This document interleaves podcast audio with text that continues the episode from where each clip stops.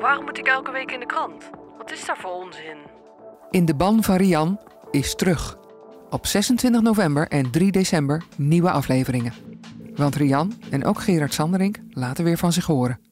En hoe? Ik had in die auto kunnen zitten en ik had wel dood kunnen zijn.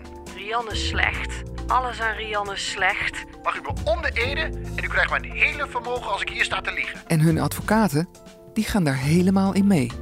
En dat is niet zonder risico. Hier zijn ook fikse maatregelen opgelegd. Waarbij je echt moet uitkijken dat je niet weer een keer in de fout gaat. Ik onderzoek waarom advocaten en een handjevol vertrouwelingen nog altijd voor Rian door het vuur gaan. En daar is niet iedereen blij mee.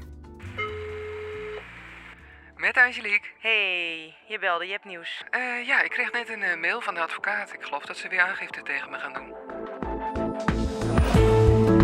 In de ban van Rian.